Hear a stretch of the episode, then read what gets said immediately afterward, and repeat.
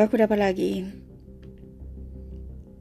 Kita podcast ini tentang agama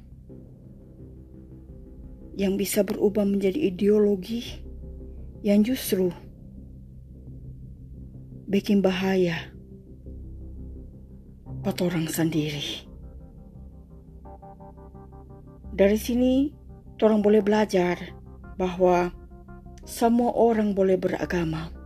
Itu masing-masing pemana-mana dan tiap-tiap yang ada orang mau larang.